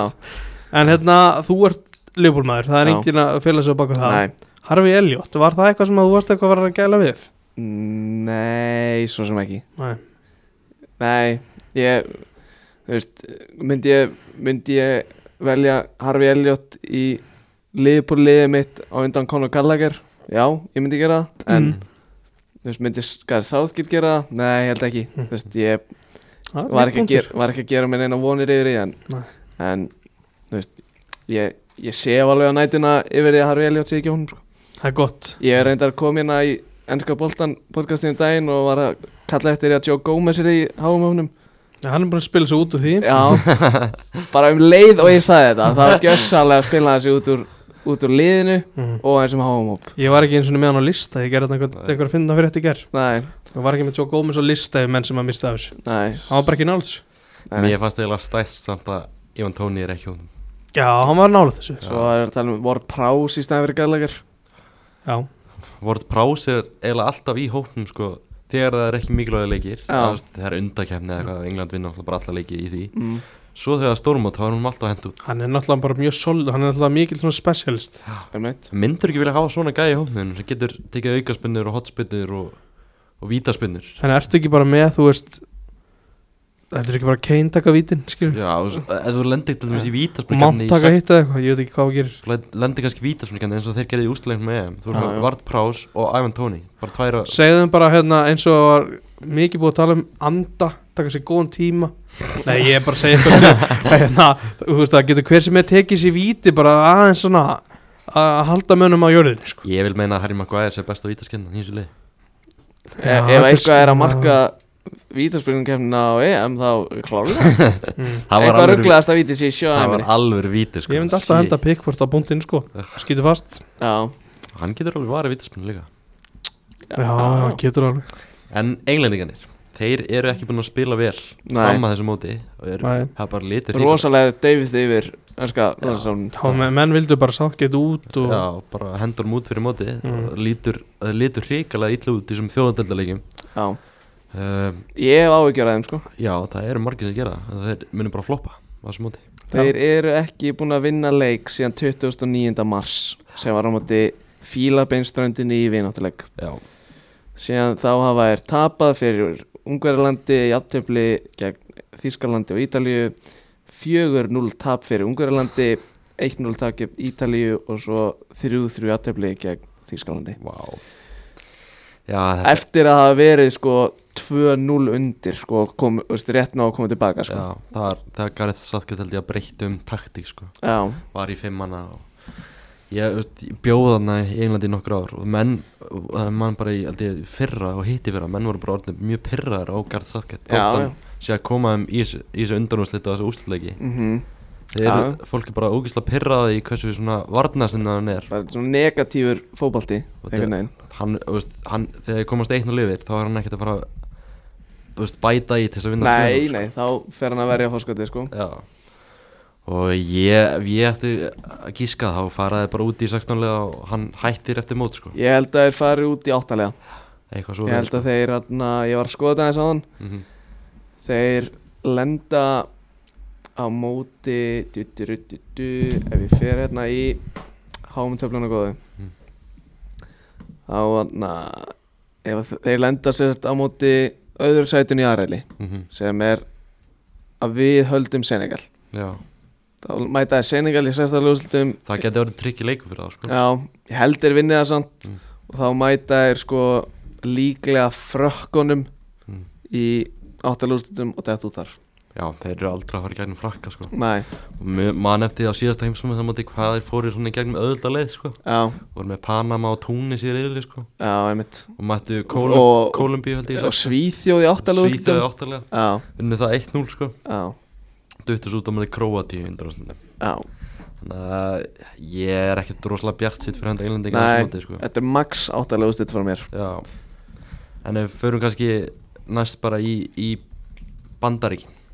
Já. Þetta uh, talaði við Aron Jónsson um daginn og hann sagði sko þeir væru aðalega að hugsa um HM 2026 að það er mót sem þeir halda. Já, einmitt.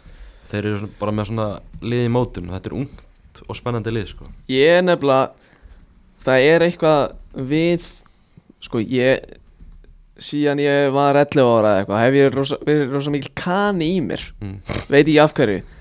Byrjaði að fylgjast með NBA frekar ungur Og finnst ógæslega gaman að fara til bandaríkjana Og Og, og ég er einhvern veginn smá kani í mér Mhm. Og eins og í svona ennska boltapodcasti sem ég mætti um daginn og var að segja að væri með smá soft spot fyrir Jesse Mars til dæmis. Mm Ég er með eitthvað softspot fyrir þessu bandaríska liði. Ég finnst þeir bara gott lið á pappir Þeir eru með hérna svona 1, 2, 3, 4, 5, 6, 7, 8, 9 Svona, veist, góða leikmennskiluru Og ég held að þeir Þeir gætu, hana, ég held að þeir gætu farið í áttalúslit sko Mm. Ef að, hana, sko Þeir gætu mætt Hollandi í sextalúslitum Já, já Eða lenda samt í öðru það var mjög að það með Hollandi já, einmitt og fyrst, við vorum að tala um það áðan að þú veist, Holland er ekkert eitthvað með mest sexy hópin á þessu, á þessu móti og Mhm. ég mun að þetta er bara, bara 90 mínu fótballtarleikur að getur allt gerst Mhm. þannig já, ég held að ég held að Bandaríkin geti mögulega að fara í áttalastit Ef- Þetta, veist, þetta bandarska lið á pappir er þetta bara að verða ógeðslega spennandi? Einmitt, með Kristján Pulisic, Captain America já, Lebron James, Svo soccer, já.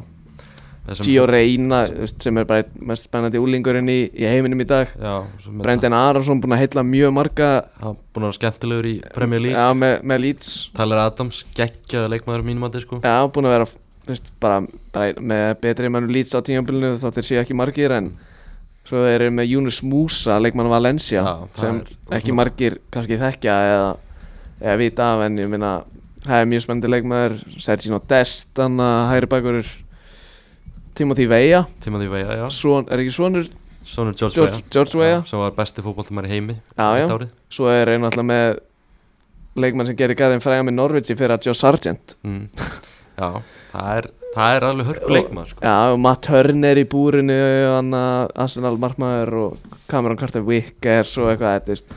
Ég ætla að fylgjast vel með bandarengunum á ham Það eru líka úst, leikmann að koma upp síðan þannig bróður hans Brendan Arnason sem er vist mjög líka. Paxton, Paxton Árásson hann er að fara til Evropu Hann er að fara til- 17 ára eða Hann er að fara til Frankfurt. Leeds svá aðeins á verðinum þar Já. fannst mér Það er fyrir, verið frekar öðvöld að selja hann að koma til Leeds bróður sinn já. Já, einmitt og, og svo var mjög óvænt umræði, ég fylgdist aðeins með umræðinni með hann bandarinskóp að Ricardo Pepi sett, er ekki að fara að háum leik, leikmaður sem er keiftur frá FC Dallas til Augsburg á okkar 20 miljónir eða eitthvað Mhm. hann er bara ekki búin að vera góður sko. Nei, hann fóð samt á lán sko til Gröningen Mhm. Og, og er alveg búin að vera að skila ágætist tölfræði með, með veist, hann er með hann er með 5 mörg og 2 stóðsendingar í 8 leikjum. Mhm. þú veist, og er að spila í Evrópu og veist, ég hef vilja sjá hann hana en, og ég veit að það voru hann margir kannar sem voru ósattir að hann sé ekki að fara en það verður bara að býja til 26 og er hann eldri og örgulega aðeins betri. Það er 0-3 model sko. En þú veist, Gio Reyna hversu Mhm. góður heldur að Soka geta orðið? M- bara gæti orðið besti leikmæri heimi sko. Mhm. uh, hann er bara búin að vera dyrla óöfinn með meðsli en þegar hann spilar þá, þá er þetta rosalega góða leikmæður og, og ég hef bara mikla trú á Gio Reyna sko.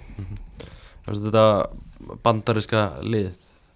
Heldur að þeir geti gert hluti á HM 2026 þeir eru, 26 já, þeir eru búin að þroskast og Já, ég meina ef þú skoðar hennan leikmann og, og ferði ef ég fer aftur í síðuna mína transumart og, og sortir þetta út frá sko markasverði veist. Það er Pulisic efstur 24 ára, Gio Reyna 19 Arason 22, Vestam McKennie 24 glemdum Vestam að kenni með leikmaði Juventus skilur Jónas Músa 19 ára, Tyler Adams 23 að, sko í, á þessum topp 1, 2, 3, 4, 5, 6, 7, 8, 9, 10 á topp 10 listan er að ég verðmættis leikmenn það er engin eldri en 24 ára það er rosalega sko.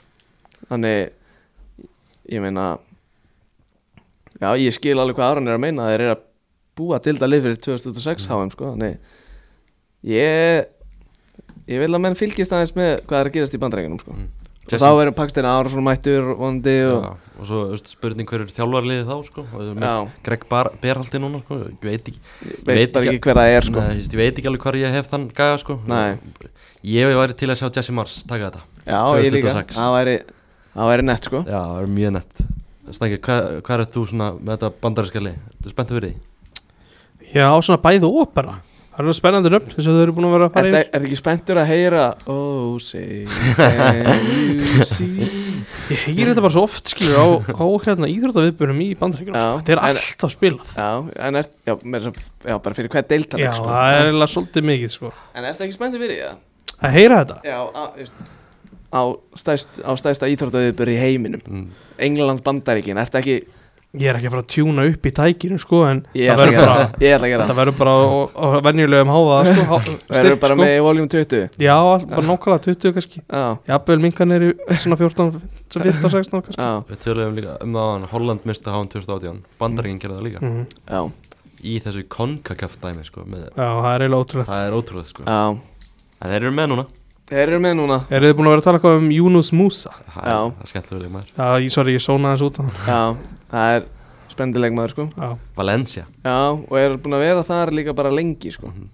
Fekk að velja á milli Bandaríkinn og England held ég Já, Mm. akkurat. alveg eins og Gio Reyna. Það er skemmtilegt þarna í spjallinu Aron Jó að hann var að tala um Clint Dempsey. Já, Nei, Land og Donovan. Landon Ég er að ruggla þeim saman. En Clint Dempsey er náttúrulega líka alveg þokkulega stórt nafn Já. Klálega. Mhm. Þegar Donovan var eins og hvað Eða Smári hefði ekki verið valinn. Já, Já. þeim 2016 Já, það var mjög gott sko. Það var mjög gaman að því sko. Mm Ég mæli með að fólk hlusta á það sko. Það var að tala um svona hvernig er að vera leikmaður bandaríkinn á stórmóti. Já. Svona örgulega aðeins öðru sem að vera til og með leikmaður Íslands á stórmóti sko. Ég man þegar Donovan kom í Everton. Já, Ha- Já, hann var, búinn- hann var ekkert sér hjá bæinn munn hér líka. Já. Það er mjög skrítið ferill sko. Mhm. Skemmtilegur En ég, svona, í þessum reyðli þá er ég spenntastur fyrir svona, í annar umferð reyðsins, mm. 25. november England bandaríkin. Já, já, klart mál. Í Alcor. Ég bara get ekki Ég ángis Ég er spenntastur fyrir þenn leik af öllum leikunum í reyðlkefni Mm. Hvort er þú meiri hérna bandarisk ensku megin eða ensk ensku megin? Þegar þú talar? Uh, eða kannski bara næsta spurning. Bandaris eða, Já. Ég tala meira með bandarískum hreim Það er ef einhver orð sem eru líka bandar, bandarísk sko. Ég klála meira um sko Ég klála meira svona ensk, ensk sko Já, þú varst náttúrulega á Englandi líka. Já, Já, ég flott. get, get sko, ég, það gæti orðið heimstyrjöld ef að Kristján Púlisits skorar sigumarka á Shit. 90. mínútu og hendi kannski í gritti Pickford Pickford með mistök líka. Pick- Pickford missar hann undir sig Mhm. Púlisits leipur og hotfón að teku gritti í fagnið ég, Úff það gæti orðið eitthvað sko Já. Já Það er náttúrulega mjög eftirminnilegt að það marki hjá hjá Dempsey var ekki Rob, Rob Green í markinu Jú. Jú, jú, það 2010 Herra, já, þau var alltaf saman í reyli 2010 líka Já. Já, Endaði 1-1 og já, Rob Green Hann bara sá ekki til sólar eftir Já. það Nei, sko. greiði kallinn Ég held að þessi leikur farið 2-0 Bandaríkin Já, þú mátt halda það. En fyrir Englandi. En, þú veist Ef Pulisic, eins og segir, ef hann skora sigumarki á mæti Englandi mm. þá verður hann bara The LeBron James of soccer. Já, já, klárspál Úf, hvað er ég, þetta er svo langt í bandaríkjum með að gera Það verður Hann bara þarf ekki að gera neitt annað á ferlinu Nei, Það er verður bara búið. LeBron James of soccer. Sko. Já, já, Já, þetta er áhört, það er fútból og soccer mætast þarna já. í leikup Ég er að horfa svona á liðir Þetta er nú ekki, þetta er ekki alveg frábært sko. Nei, þú veist, Þetta er svolítið nöfn, Þetta er, segja þetta er, þetta er upplið sko. Já, þetta er Þú upplega ert með hann Antoni þú- ég veit ekki hvort þú heyrðir að hann Já, En, þú veist, ef þú skoða topp 10 listan þeirra yfir, yfir verðmætistu leikmenn. Já, Það er engin þeirra yfir 24 ára. Já, þetta er ungt Ungt og leikur sér. Ungt ungt og leikur sér, sko. En af hverju er hérna Hverju er reyna ekki í líklu byrjun hjá mér. Mittu bara tæpur. Já. Ok, það er högg. Eitthvað ferra er að hann fram með sko. Já, En, þú veist, ef þú vilt koma með hot take í kringum þetta emsmestarmót mm. þá er kannski bara besta hot take að England sé að fara að falla úr leiki í reyðleikefni já það er ekki að fara að gerast. Það geti gæst Það getur allt gerst, skilur en það er ekki að fara að gerast. Við hefum séð England detta úr leiki í verri reyðlum sko. Hvaða liðum eru þeir að fara að tapa á móti? Wales og Bandaríkan Þeir eru ekki að fara að gera það? Jú, það geti Nei, Ég- Veilsverðanir Ég held að England væri með nýju stupur úr riðli, sko. Niði, Nýju stig? Já, já. Shit. Þetta meina Vinna alla leikina 1-0 Ég, ég held að það verði ekkert eitthvað skemmtilegir. Nei, En ég held að vinna þetta. Þeir eru bara með miklu betri leikmenn. Já, það þeir hafa verið með Rooney, Lampard, Gerrard og Scholes sko á heimsmestarmótum áður og Já, ekki verið langt sko. Þá voru ekki með yðna eins og Declan Rice. Declan Rice. Og Harry Maguire. Já, Hvernig var, Vá. hvernig var þetta eftir að HM 2014? Þá fellur hvernig allir Fóra eru reyðli með Uruguay og Ítali og, Costa Rica? Og Costa Rica og Uruguay fór áfram með ekki? Jú, æ Jú, ég held að Jú. jú. Harry Maguire. Ég ætla að segja, með kana í að segja þetta. Það Já. er mjög gott sko. ég ætla að segja að hot take mitt sé að England landi í þriðastætti Já, það er alveg hot take. Ég tek alveg undir það. Já, En það er bara ekki að fara að gerast. Já Þú segir það. Þetta er eins og ég spáði breyðarbliki ekki í play-offs í körfinu sko. Það er að fara að gerast. Það er bara nákvæmlega þannig sko. Það er nákvæmlega þannig. Bara hot take á sínum tíma og bara ekki rétt. Þetta er bara hot take Heyrðu þið ekki, heyrðuð þið ekki þegar að Willi í stíði dagskrá var að segja Harry Maguire, ænsku? Harry Maguire. Harry Maguire. Veistu Jú, hvaðan það það- kemur eða? Nei. Það kemur náttúrulega frá að vinna okkar speed. Var hann með það? Segir hann Æ, það Já, jésus Það- Kongurinn Þetta heyrist hérna. Er þetta eitthvað FIFA? Já, hann er að fá Harry Maguire sett í pakka. Harry Maguire. This trash ass dude. Ronaldo cancer. Æja, ég finn þetta ekki. En hann öskraði þetta alltaf Harry Maguire. Já, við skulum ekki köttu þetta út, þetta er skemmtilegt. Þessi, spítari, ég elskan já, kongurinn Hann er kongurinn sko. Það er mikið af svona dæmum líka þarna, á YouTube sko þegar hann er að opna pakka í FIFA. Já, já, Það er alltaf svona Kemur ekkert óvart ef hann er að segja Harry Maguire. Já, kongurinn uh, Er ekki Ég líka ætla, ég, er, ég ætla að finna þessa klipu nú. Er það ekki líka alltaf með bandaríkjumenn þegar að segja Premier League? Það er alltaf Premier League. Já, Premier League. Premier Já. League. Já, þeir eru flottir, kannandir, þeir eru vita nákvæmlega hvað þeir eru að gera. Já, klárt mál. En þarna Velsverðanir Já, Þeir, þeir getur komið óvart. Já, klálega, já, þú veist, þeir, Já, já, hvað er að koma óvart? Þeir geta að fara upp úr riðlunum Já, ég spáði því að þeir fara upp úr röðlum sko. Já, Annarkort með, með, með bandaríkunum þá, þú getur ekki verið með bæði. Annarkort með Englandi eða Þú bandaríkjum verður að velja annarkvort, sko, mér, þetta virkar ekki svona. Að ég, þú veist, í fréttinni gerð það spáði Englandi upp sko en ég get alveg séð það fyrir, fyrir mér að England dettur leikir í sko. Já, ég skil. Já, þú ert erfið með þetta hot take hérna. Já, já. En alltaf, veist, hvað er þetta að segja um þetta? Welslið þeir eru að fara á sitt fyrsta heimsmyndarmót síðan 1958 Já, uh, bara vel gert hjá þeim. Þeir, ég veit ekki hvort sem er spennandi leikmannóp en þeir eru með mjög góða liðsett. Jú, jú, þeir eru alveg með Þeir eru með Nico Williams í hægri bakverði og Harry Wilson Harry Wilson er alltaf komið tilbaka úr er Þeir með- eiga hann inn er- Það er ekki fleiri púlar Það er það komið þá næst. Danny Ward. Danny Og Ward. einnig uh, Er Ward Joe að- Allen. Sko, vá, þeir eru margir. Er- Er einn enn? Uh, Nei. Með fjóra? Þetta eru fjóri fyrir liðbúlegmenn Já, Er Danny Ward að fara að byrja í markinu? Já, það er ekki það Ekki er 35 ára gammal varamarkmaður Nottingham Forest í Wayne Hennessy að fara að byrja. Ég ætla rétt að vona Vordarinn er búin að spila sig inn í markið Hún er að frábær með lestir Já, eftir að hafa verið lélegasti markmaður í sögu Premier League sko í byrjun Það tíma gleymist líka, hann var eiginlega ekki markmann Hann var stóð bara hann, hann var ekki að verja Nei, Hann var að gera eitthvað allt annað. Og svo náttúrulega mæti Gareth Bale. Hann var bara markmaður, ekki markvörður. Algjörlega þannig. Svo mæti Gareth Bale náttúrulega bara sjóðandi heiturinn á móti eftir að tryggt Los Angeles FC sigurinn í MLS Já, Það var stórt hjá hann Já, Þvílitt moment ótrúlegt. Já King, Ótrúlega auðvitað King Bale maður. Já, Beilar er nefnilega, hann kann þetta. Hann er maður stóru stundana. Svo er náttúrulega Dan Little James hana líka. DJ-in, DJ-in sjálfur. Dan Little James. Sko. Og Ben Davis og, og Brennan Johnson. Brennan Johnson, Chris Mempham. Ethan Ampadu uh, Er voru- eitthvað Voruð þið búin að nefna Aron Ramsey eða? Já, hann eh, var eins og góður En hérna, Ampatu Já, Er hann orðin góður í dag? nei Nei, Veistu þú hvað hann, veistu hvað hann er að spila? Er böggu spurning Er hann, í- er hann í Þísklandi? Nei, Ég veit, ég veit það ekki sko. Er Spezia á Ítali Ég aldrei, get það ekki ég. Nei. Aldrei bara, þú veist Hann er er hann ekki einu svona efnilegasti leikmæri heimi Er ekki hægt að segja Jú, hann var rosa svona Er þetta spennandi ekki Chelsea gæði? Jú, Já. Chelsea guy. Þetta er svona leikmæri líka sem þú tekur eftir á völlin er, er, það- er hann ennþá með svona rosalega tár? eða? Nei, hann er búin að klippa það Er sko hann bara klí... Æ, Hann er orðin, hann er orðin annað stuttarur. Já. Uh, Wales, þetta verður svona Ég, þetta verður þryggjarlega bara um að fara upp úr svona reyli Því Já, Íran, já. Íran er ekki að fara upp úr svona reyli uh, Líklega ekki. Nei, Ekki, ekki nema að þeir eru vælkardi Sko Skulum ekki afskrifa- Sardar Asmún Al- ekki vera að gera það.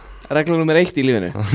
Þa, Já, það er svona kannski nummer þrjú eða fjögur hjá Já, mér en já. eitt hjá þér. En sko, ef þeir spila 4-4-2 og, og, og Sardar Asmun og Mehdi Taremi verður på topp og valdi einhverjum usla gætu er mögulega að fara upp úr reilinu með þrjú stík mm -hmm. Já, Svo þetta er- geti myndi verið einn af þeim reilum sko. Já, þetta gæti verið einn af þeim reilum sko Svo er þið náttúrulega nýbúin að ráða Carlos Queiroz tilbaka. Maður sem þekkir þess að heimsmeistara keppni inn og út. Já, Það fyrir mér var það smá höggsamt á hérna, Ég ætla ekki að segja, ég ætla ekki að ljúga þér Ég veit hver var með liðið. Það var Rekin, það er Dragos Skosic var að þjálfa. Skósits, það var högg fyrir hann. Hann kom það, hann held hann hafi unnið 15 og 18 leik með myndakefni hm. og var svo bara rekin fyrir Carlos Queiroz Það er alltaf ekki lægi sko. að finna er sko að Queiroz hann þjálfaði bæði Egyptaland og Kolumbíu undakefni og hvoru þessara þjóða er að fara á hann og svo er hann að fara á hann með Íran. Hverjus er, hann kann þetta allt. Gerir vel.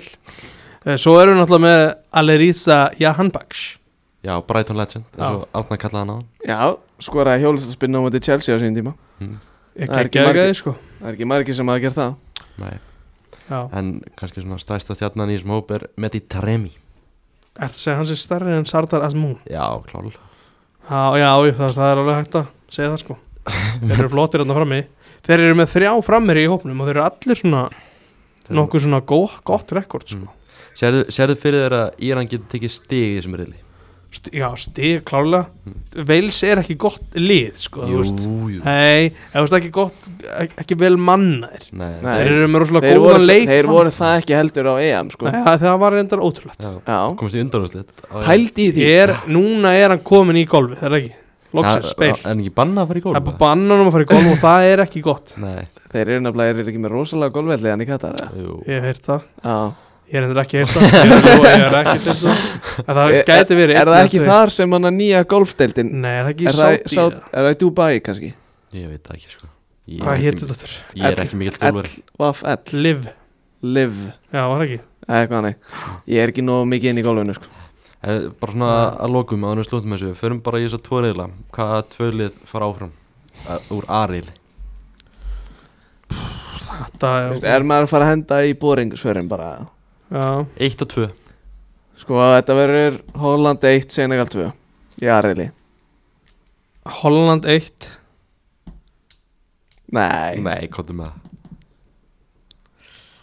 Þetta, nei, ég ég get ekki. Þetta- Ekvator Katar er bara ekki nóg gott sko. nei. Þetta er Senegal 2 sko. Senegal 2 Ég þó að manni er bara ekki með þá fara, fara Senegal upp úr þessu riðli sko. Já, ég samanlega Ok, í B-reyðlinu 1 og 2 England og Wales. England og Bandaríkin. Úf. Það er þá hvað Reyndar, bandaríkin. Þið segir þá Senegal, England í 16. liða og svo hvað Holland á móti annarkvort Holland á móti Bandaríkinum Holland bandaríkin eða Holland Wales? Ég er að segja ykkur að Bandaríkin fara í áttalúðslit Þeir vinna Senegal í sestalúðslitum Vinna Senegal, Nei, Holland. Vinna Holland? Það er, það er mjög óvænt. Já. Ég trú á kananum Þetta er alveg Það er líklega margir sem hlusta á þetta og tala mig uh, telja mig geðbilaðan og bara skilja lega sko. En ég ætla að hafa trú á kananum Já, er ég, mér finnst þetta nánast bara að vera 50-50 í Wales eða bandaríkin sko. Er þetta ekki svolítið þannig að þryggja, þryggja stiga reyðlin? Jú, jú þryggja liðariðlin Nei, ég er þannig að liðið sem fer upp Já, fyrir upp þryggja þrem stigum. Já, fer upp þrejum stigum. Dauðariðil, jáfnvel Já, Nei, þetta er hérna, já, ég, ég skil hvað þetta fara. En hver er döðarreyðlin? Er það kemur í ljósi setni þáttum. Nei, betur við erum með þetta hérna um, Dauðariðil, er það ekki? Það er ekki spátt. Mér finnst geriðil alveg svaka sterkur sko. Hann er, já, það er svona Skemmtilegur reyðl Spát, e, Spát og Þískland er svona bara miklu betur en Japan og Costa Rica. Já, það getur komið fólk óvart sko. Getur að koma óvart. Nei, ég meina Hot-taking, þú getur alveg verið með þau en það fram eftir kvöldi sko. Ég ætla að gíska á England fara ekki upp úr reyðlinu Þú búin að segja Já, það svona átöðsinu Hvað er það að segja þetta oft til? England fer ekki áfram úr Já. reyðlinu Það er komið on the record. On the record.